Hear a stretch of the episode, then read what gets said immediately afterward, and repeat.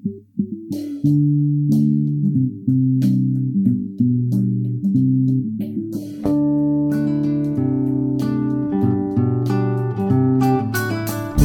oddaja mladina je zate, novice resnice same bogate. Če nimaš nas časa, da bi skočil na net, poslušaj reč nas, kaj je noga na svet. Od zdrave do zgoje in malce politike, ljubezen šport in kako boste bitke, kako je med vozi, kako je v naravi. Povejo skavti v prvi postavi, da to ste vrednota, le treba je živeti. Tebi in drugim bo lepši ta svet, zajemi srca z najboljšega vira, naša frekvenca je prava izbira. Mladoskop. Mladoskop. Mladoskop. Mladoskop. Dober večer, lep pozdrav. V tokratnem mladoskopu smo štirje skupaj. Tiljna poznam, lep pozdrav, dobrodošel. Živijo. Levo, desno pa še dva mlada. Najprej, dekle, prosimo ja. za predstavitev. Jaz sem Lidija. Lidija, odkot študiraš kaj? Ja, študiram mikrobiologijo, sem stara 24 let. Dobrodošla ja. prvič premjerno v radijskih prostorih. Ja. Potem pa sploh upam, da se dobro počutiš. Smo sicer v velikem televizijskem studiu, ampak verjamem, da bomo ustvarili eno prijetno občinstvo in bomo dobra družba tudi tistim, ki so nocoj z nami in potem nasproti naše sogovornice. Pa? Živijo, jaz sem pa Jošt iz Most pri Komendi, star sem 20 let, študiram pa finančno matematiko. In prav tako premjerno pri nas. Bi bilo zanimivo slišati tudi o vajni študijski izbiri, morda v nadaljevanju. Tilen, bilo bi narobe, čeprav se poznamo, s kolego Marjanom sta bila nekajkrat že skupaj v petkih zvečer, pa je vseeno dobro, da poprašamo še tebe. Kaj pa Tilen študira in odkot prihaja? ja, Tilen študira med drugim še vedno, ja. in sicer razredni pouk, prihajam pa iz Crkve na Gorenskem. Tako tako. Da... En krasen učitelj in pedagog, verjamem. Da. Ja. Ja. V nastajanju še zaenkrat. Tu pa smo zato, da usvežimo spomin na tisto, kar ste doživeli v Nemčiji, v Rostoku, kjer ste bili na letošnjem, kako se reče, novoletno evropsko srečanje z brati iz Tezaja. Tako nekako uradni naziv srečanja, ki ga uporabljamo v Sloveniji, je Evropsko srečanje mladih, ki pa, kot ste omenili, poteka zelo novo leto in vedno poteka v organizaciji tezajske skupnosti. Na nek način je to romanje za mir.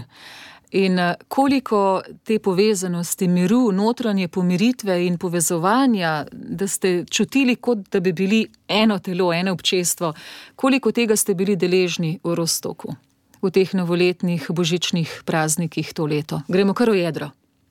Morda Lidija, ko mi tako zvedavo gleda.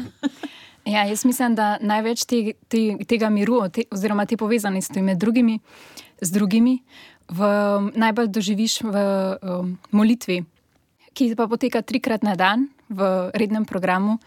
In um, takrat res lahko začutiš neko povezanost med vsemi, um, še posebej pol, kaj, kašna, kaj je čas tišine, ko vsi, vsak v sebi, v svojih mislih um, in hkrati povezan z vsemi drugimi navzočimi, z brati in z vsakim, ki je zraven tebe. Mladoskop. Lidija, kakšne so te misli? Mladim lahko rečem, pa v dobrem smislu, no, zavidamo, ker imate pred seboj še vse življenje. Vam se res lahko zgodi skoraj vse, česar si poželite, kar po čemer vam krepeni srce, vam se bo še vse izpolnjevalo. Ko gledamo v to vašo dolgo prihodnost, kako vi, vi gledate na to, ali dojemate tako ta čas, da je še vse pred vami, pa vendarle imate svoje želje, krepenenja. Me zanima ta, to dojemanje te razsežnosti časa, prav vas mladih. Ja, po eni strani imamo veliko življenja pred sabo in imamo zelo odprte možnosti za prihodnost, po drugi strani je pa to tudi malo stresno, ker moraš sprejemati neke odločitve, oziroma imaš občutek, da jih moraš sprejemati, ker ne veš, kaj je še vse, kar te čaka v življenju. Tako da po eni strani zelo lepo in lepo obdobje, ki lahko kot študent še veliko časa uh, posvetiš nekim obveznostim, ki niso nujno. Um, Kaj imaš polet počitnice, pa ker imaš nek nestrukturiran urnik in um, lahko se bolj. Um, lahko greš tudi v, v tako malo na kakšno srečanje mladih, pa doživiš mm.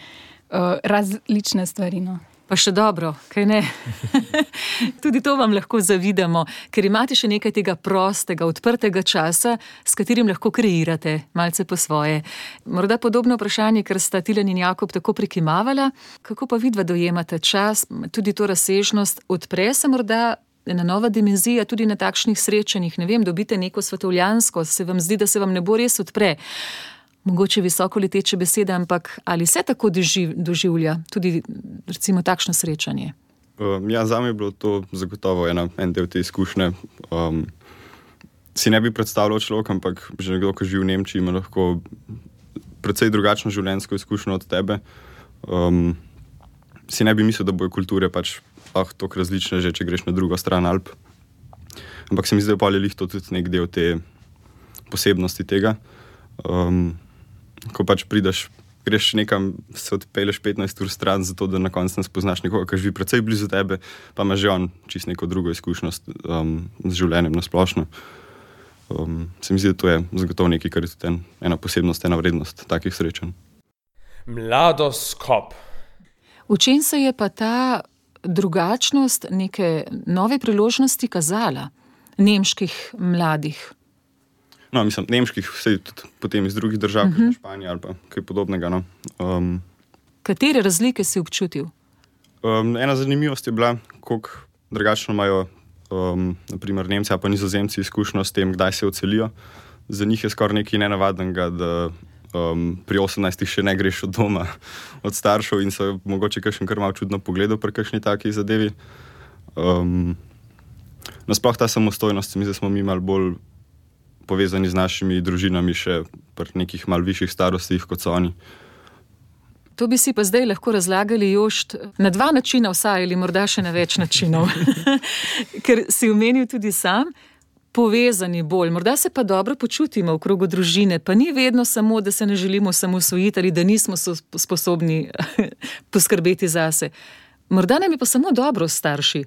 Ja, absolutno. In se potem v moji skupini je tudi ena španka, ki pa ravno to potem zagovarjala. Um, ker so mogoče se kar malo smešno nasmihali, da, da še nismo oceljeni vsi pri 20-22. In ja, ena, ena izmed špank je potem ravno to zagovarjala, da se, um, se osamosvojiš samo zato, da se osamosvojiš, tudi ni samo po sebi namenno, um, da ni v tem smislu nujno. Še nič ne pomeni. Če ti je dobro doma, morda si doma, kje, kjer je blizu šola, blizu dejavnosti, ki te veselijo, pa imaš morda tudi neko zasebnost, zakaj bi, če ni razloga, ni tako enoznačno. Mladoskop. Pa še tilen in ta razsežnost časa. Torej, mladi povsem drugače doživljate prihodnost kot tisti, ki morda štejemo, imamo še deset let, imamo vem, 30 let pred seboj pač ta prihodnost je res drugačna v mladosti in potem sredi let ali ko smo v zrelih letih. Meni se zdi, da tukaj dve stvari pomembni. Eno je to, da je to res mogoče obdobje, ki si je potrebno dovolj sanjati, ki je potrebno malo iluzorno tudi razmišljati o prihodnosti in videti, kako bo življenje izgledalo, oziroma kako svet lahko izgleda. Tudi ne vem, recimo, meni je vedno presenetljivo, ko se pogovarjaš z mladimi iz Nemčije, iz Nizozemske kako vidijo, da je pravzaprav na njihovih plečih nekako tudi usoda sveta in, in pravzaprav to, da se skupnim prizadevanjem odpravimo v svet, ki bo res poskrbel, da bo več dobrote, prijaznosti, priložnosti za vse in ne zgolj za, za mogoče neke izbrance. Torej, neka ta sanjava dimenzija, neke pravzaprav za marsikoga že zelo iluzorične predstave. Ampak se mi zdi to pomembno, da, da se ohrani nekako to upanje in ta vizija, da pravzaprav smo tudi mi poklicani k temu, da bomo prihodnost snovali. Zdaj, druga stvar, ki bi jo pa tle čisto na hitro še sam počrtal, je pa to, da pa se življenje mladih ne dogaja zgolj v neki oddaljeni prihodnosti, ampak smo že zelo konkretno um, tudi zdaj aktivni v različnih stvarih in pravzaprav tudi zdaj prispevamo k temu, kaj je družba, ne? kaj je crkva, kaj so naše družine, kaj so naše skupnosti. A, tako da sta potem te dve razsežnosti, no, po mojem, um, kjer se mlad posameznik znajde zdaj v okviru časa. Mladoskop. Mladoskop. Mladoskop. In, drage poslušalke, pa cenjeni poslušalci, to niso, še ne, morda kdaj bodo Doktori znanosti, filozofije in ostalih ved, ki znajo tako tvoriti eh, svoje misli in svoje razmišljanja, tu so študenti, Jošt, Tilen in Lidija. Vstopimo še v vaše študijske smeri. Kot izhodišče Tilna, že zdaj oblikujete prihodnost. To so tudi močna sporočila ob svetovnih dnevih mladih, ob takšnih romanih eh, Miru z brati Stezaja. Polagajo vam na srce odgovornost. Vi ste ustvarjalci svojega jutrišnjega dne. Zato skozi prizmo vaših študijskih smeri, kako si želiš, da bi preoblikovala svet jutri preko svojega študija. Kakšna je tvoja vizija? Lahko si dovolimo velike sanje, pravi Tilan. Pa naredimo to. Mogoče nimam čist neke vizije za prihodnost, ampak vem, da hočem v življenju narediti nekaj dobrega, pomagati ljudem. In skozi prizmo študija, se pravi skozi mikrobiologijo, ne vem, kam se bom zaposlila, ne vem, kaj bom točno počela, ampak bom izkoristila in iskala priložnosti, kjer bom lahko um, strmela k nekemu višjemu cilju, ki ni nujno podjetniško usmerjen.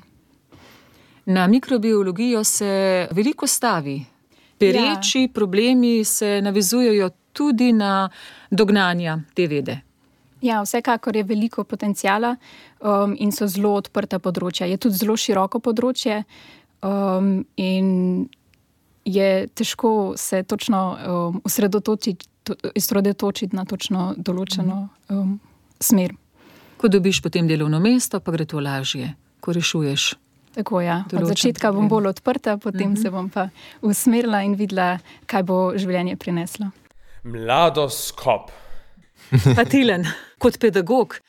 Velik izziv iz pedagoških poklicev, nekateri izstopijo, jim je pretežko, prevelik izziv, prevelika odgovornost, pritisk iz vseh strani, pričakovanje nerealna. Ampak verjetno se veseliš, zato tudi izbor, kakšen je po tvojem odgovor na izzive. No, meni se zdi, da je še ena stvar, ki jo opažamo zdaj tudi mi na, na fakulteti in tudi ko se pogovarjam z mladimi pedagogi, je nasplošno tako, kako pravzaprav je v družbi tudi nekako zastavljen ta naš položaj. Um, ne bi želel uporabiti besede ugled, ampak tako, kako nasplošno družba razmišlja o teh pedagoških poklicih. Ne? Pa se mislim, da so družba jo dozela ugled skoraj vsem poklicem že. Bi se s tem precej strinjal, ja. Um, kar je tudi zanimivo, ne po svoje gre tle vedno za neko dvojno, se mi zdi, mislim, stvari, kot smo že do zdaj malo risali, niso tako zelo enoznačne, ampak tako. Nasplošno se potem zelo vidi, da to, kar družba tudi prevzema, kar verjame, vpliva na te in na mojo podobo, nekako pedagoga in vseh teh stvari. Potem mrsi, kdaj in hitro se zelo znajdemo v neki tej.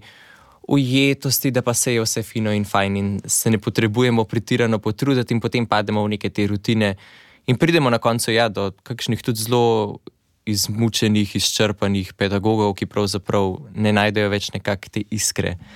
A, tako da, kar se meni zdi pomembno, je, da pravzaprav kot pedagogi se zavedamo, da pravzaprav ogromno je to, kar seveda podajamo znanja, več skoraj meni osebno. Um, je pa ta oblikovanje, ki se zgodi preko vseh aktivnosti. Kar pomeni, da mora biti posameznik, ki postaja pedagog, ki vstopa v učilnico, nekdo, ki je zgrajen, oziroma nekdo, ki se zaveda, da ima tudi on neko podstat. Je um, pregneten. Ja, in, in ravno iz tega potem ne vpliva tudi na druge. Tako da se zavedati, kdo si ti in kaj tudi prek tega daješ, in kot kaj vzgajaš, in kakšen zgled konec koncev tudi daješ mladim. Potem te izziv ne zaustavi, ampak dobiš na nek način nov polet. Ja, in se zavedaš tega, da pravzaprav moš vedno ne gledati na druge in na sistem in kaj je druge vse narobe, ampak pravzaprav kako zdaj ti znotraj take situacije lahko ustariš. Tako kot je že Lidija prej rekla, ko vidiš v konkretni stvari, ne, kaj je zdaj pred tabo. Se spet zgodi ta trenutek odločitve, tako kot se je dogajalo na koncu gimnazije, ko smo se odločili, kam pravzaprav nas kliče Bog. A tako zdaj nas v konkretni situaciji, s konkretnimi izzivi, spet sooča pred, z neko odločitvijo. Jošt, kako skozi tvoj izbor študija preoblikovati, izboljševati družbo, svet? To se mi zdi kar težko vprašanje. Abstraktno. um, Potem pa vprašam drugače, se ti zdi, da imaš možnost? Ja, definitivno se mi zdi, da kljub temu, da seveda lahko razmišljamo posameznike, samo neka kaplja v morje, ki noč ne more spremeniti, se mi pa zdi hkrati, da vsak pa vsaj malo, malo vpliva na svet. Um, in tudi če pač zdaj pri 20 letih še nimam neke točno izdelane vizije, kaj in kako bom to jaz počel. Um, se mi zdi, da je veliko že, da se zavedaš, da hočeš iti v, v svoj poklic z neko skrbnostjo, poštenostjo, um, da si vesten. No? Um, in se mi zdi, da že to lahko. Veliko pripomore. Ja, tudi to nekaj pomeni. No? Prav gotovo. Mladoskop. Rostok, tam ste doživeli Boga, ste, ga, ste ga samo slutili? Kaj bi rekli? Za me so ta srečanja prekrasna priložnost, zaradi tega, ker mi v različni starosti, v različni fazi življenja, kjer se znajdem na teh srečanjih, prinašajo nekaj drugega. Včasih je bilo to bolj prek nekih prijateljstv, osebnih stikov, um, pravzaprav te bližine um, sem nekako podoživljal in dobival obrise Boga. Potem v zadnjih letih je bila ta duhovna komponenta tista, kjer sem bil nagovorjen prek razmišljanj, prek svetopisanskih odlomkov. Zdaj, mogoče na tej točki um, pa vstopam bolj v nek odnos z Bogom, tudi prek služenja. Um, prek tega, da pravzaprav sedam na razpolago in rečem, da vse to, kar sem prejemal zdaj, tekom teh let, pravzaprav ne bo neko gnojilo za to, da bom lahko prekvašen s temi stiki Boga, a tudi zdaj ustvarjal in pripomogel k takemu srečanju. To je za me tisto ker se mi zdi, da, se, da sem zdaj klican k odkrivanju in pravzaprav službi Bogu. Pravi Tilen, Jošten, Lidija, kaj dodajate? Ja, meni je bilo zelo zanimivo, ker um, sem zagotovo spet malo mogel preoprašati svojo vero in um, kako poznam jaz Boga, kaj je za me Bog, ampak na nek precej nepričakovan način, ker um, prideš tja v Rostok in potem tam bivaš pri nekih družinah, par dni te za nekaj dni sprejmejo svoje domove. Um, No, in meni je tam pričakal precej presenečenje, pa še enega kolega, ker so bivala pri muslimanu. Um, in je to potem neka zelo zanimiva izkušnja, ker je tudi on svojo vero precej resno imel. Um, in smo potem, pravzaprav večer, ki pride že precej utrujen nazaj, nazaj k tem gostujočim družinam, um, na mesto, da bi, se, da bi šli po tuš, pa spat, smo potem še kakšno uro, dve vsak večer govorili o razlikah in podobnostih med našimi verami in moč potem precej tudi svojo vero še enkrat preoprašati in, in po svoje kar dobro poznati. Um, da mu lahko določene stvari mogoče zagovarjaš, določene stvari sploh razložiš, um, ker ta moj gostitelj je res pokazal ogromno zanimanja no, tudi za krščanstvo in je bilo. Pa res ena posebna izkušnja tudi, tudi prek tega. Mladoskop. Vizija tega tisočletja, da bi se v duhovnosti prepoznavali, čeprav vsak svojo duhovnost razume drugače. Jaz včasih, ko razmišljam o Bogu, se mi zdi, razumevanje Boga je teh razumevanj toliko kot ljudi. Vsak od nas ima neko drugačno izkušnjo z Božjim in je težko razumeti včasih razlago nekoga, pa jo povsem poistovetiti. Pač mene Bog nagovarja v le meni lastni realnosti. Zelo dobro, Jošt. O, verjamem, da, da je bilo zanimivo poslušati, predvsem, ker je bil tako odprt tudi gostitelj, sicer vas ne bi povabil v svoj dom. In ob sklepu, obogateni vsi, krasna izkušnja. Ja, zagotovo nekaj čisto posebnega, kar res pač nisem pričakoval, da se bo zgodilo. Um, da, res nekaj unikatnega. Tudi molitve on, po svoje, vi po svoje.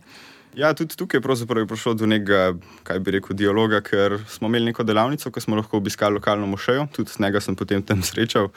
Um, tam so nam potem oni malo povedali o svoji veri. Um, zadnji dan je pa potem ta gosil tudi prišel z nama, ki so bivali pri njemu um, na to tezesko molitev in je tudi sam potem doživel to izkušnjo, um, ki je tudi rekel, da mu je bila predvsej nekaj posebnega, no? um, nekaj, kar mu je veliko pomenilo, da je videl. Hvala vam za te stvari, ki jih delite z nami. To so pravi duhovni nagovori, močne pričevanja. Lidija, da res široko vprašam, toliko enih bogatih utrinkov je iz tega srečanja.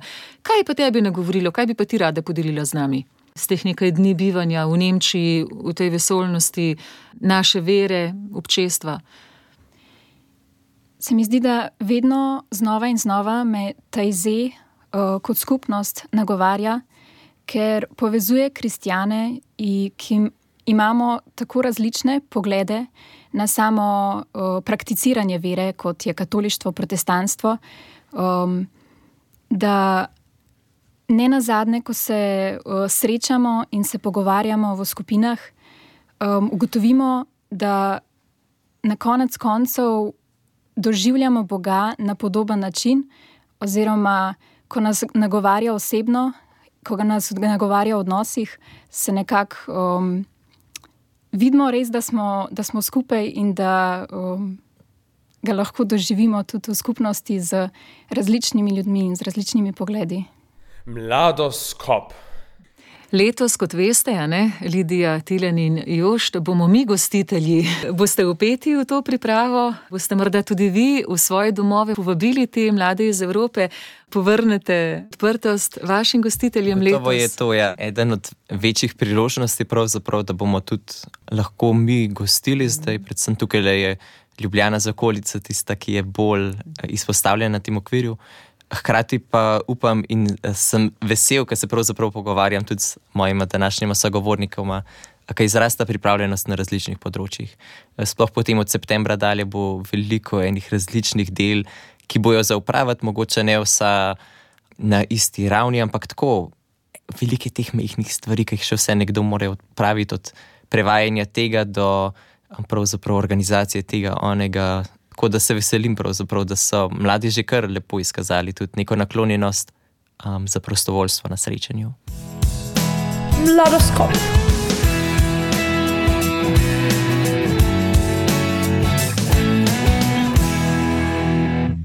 Ker jaz upam, da bomo uh, mi ponosni na svojo vero, na svoje korenine in da bomo, još kot ti praviš, na novo premišljujete v svoji veri ob takšnih dogodkih, da bo to priložnost tudi za Slovenijo, kot smo nekaj podobnega čutili ob obisku papeža. In spregovorimo ob sklepu pogovora še v sadovih. Torej, kakšna so zdaj ta izhodišča, ki so vas obogatila, ki so nek nov nabor za leto, v katerega smo vstopili. Još, Lidija Tilen. Kaj je tisto, kar se vam zdi zdaj, ko je že nekaj odmeva od tega dogajanja ob novem letu med prazniki, kar veste, da je utepljivo, da boste nesli, da že nosite v leto 2023? Mene se je dotaknila um, podoba svetih treh kraljev. Uh mhm. -huh. To je bila podoba, ki je bila tudi um, izbrana kot tisto glavno nekako umetniško delo, torej v tej uh, molitveni hali, kjer se potem zberemo um, so dali tudi neke te lokalne slike povečanega formata in tam so bili ravno sveti trije kralji izpostavljeni. In je bilo zanimivo, ne? to je bilo pač delo iz 15. stoletja in slikar, ki je to v Rostu korisal, seveda Betlehema prej ni videl, ne? ni imel nobenega opisa. In edino mesto, ki ga je poznal, je bil Rostok ne? in je pač narisal Betlehem kot Rostok. In potem tle meni tako bila ena zelo zanimiva ta podoba. Torej, sveti trije kralji se odpravijo nekam čist drugam, ne vejo, kaj se bo zgodilo, ne vejo pravzaprav, koga bodo srečali, ne? samo zaupajo zvezdi in temu pač klicu, ki ga slišijo. In pravzaprav enako tudi v tem srečanju. Ne? Ne, ne vemo, kam nas je prineslo, ne vemo, kam nas bo zdaj na srečanje odneslo. v Ljubljani odneslo. Kar je pa zanimivo, je pa to, da je bilo srečanje močno za njih, um, vplivno, pravzaprav predrugačilo njihovo pot.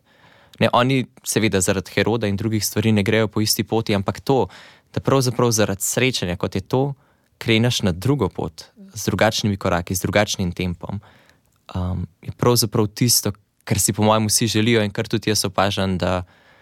Včasih bolj na glas, včasih bolj potiho, včasih jasneje začrtano, včasih čisto preprosto, svobodno v poslušanju svetega duha, pravzaprav hodimo. Mladoskop. Jaz bi se um, osredotočila na to, da sem bila um, v Roštoku pri družini gostiteljici je bila zelo povezana v župnijsko delovanje in v delovanje vsega tega dogodka, ki se je odvijal.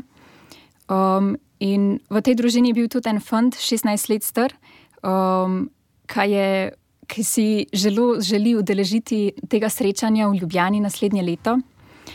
In moja velika želja je, da sodelujem pri tem projektu in pokažem, oziroma da um, omogočim, da bo tudi on doživel to srečanje, uh, tako kot sem jaz doživela to v Roštoku. Jaz bi pa tukaj rekel, da sem se trudil odnesti potem nazaj v, v ta svoj svet. Um, nek mir, neko, nek način reševanja problemov, um, ki ni preveč stresen. Se mi zdi, da to je nekaj, kar te zvezki brati vsakeč znova pri molitvah poskušajo dosežeti v ljudeh. Torej, se, pa to ne pomeni, potem, da se stvari lotiš le nobno, da, da se jih ne lotiš, ja. ali pa kaj, ampak preprosto, da stvari narediš, pa ob tem mogoče nisi tako um, skozi živčen in brez zaupanja. Um, Ker to sicer radi smo, no? in se trudim, da bi nekako potem to malo nesel naprej. No?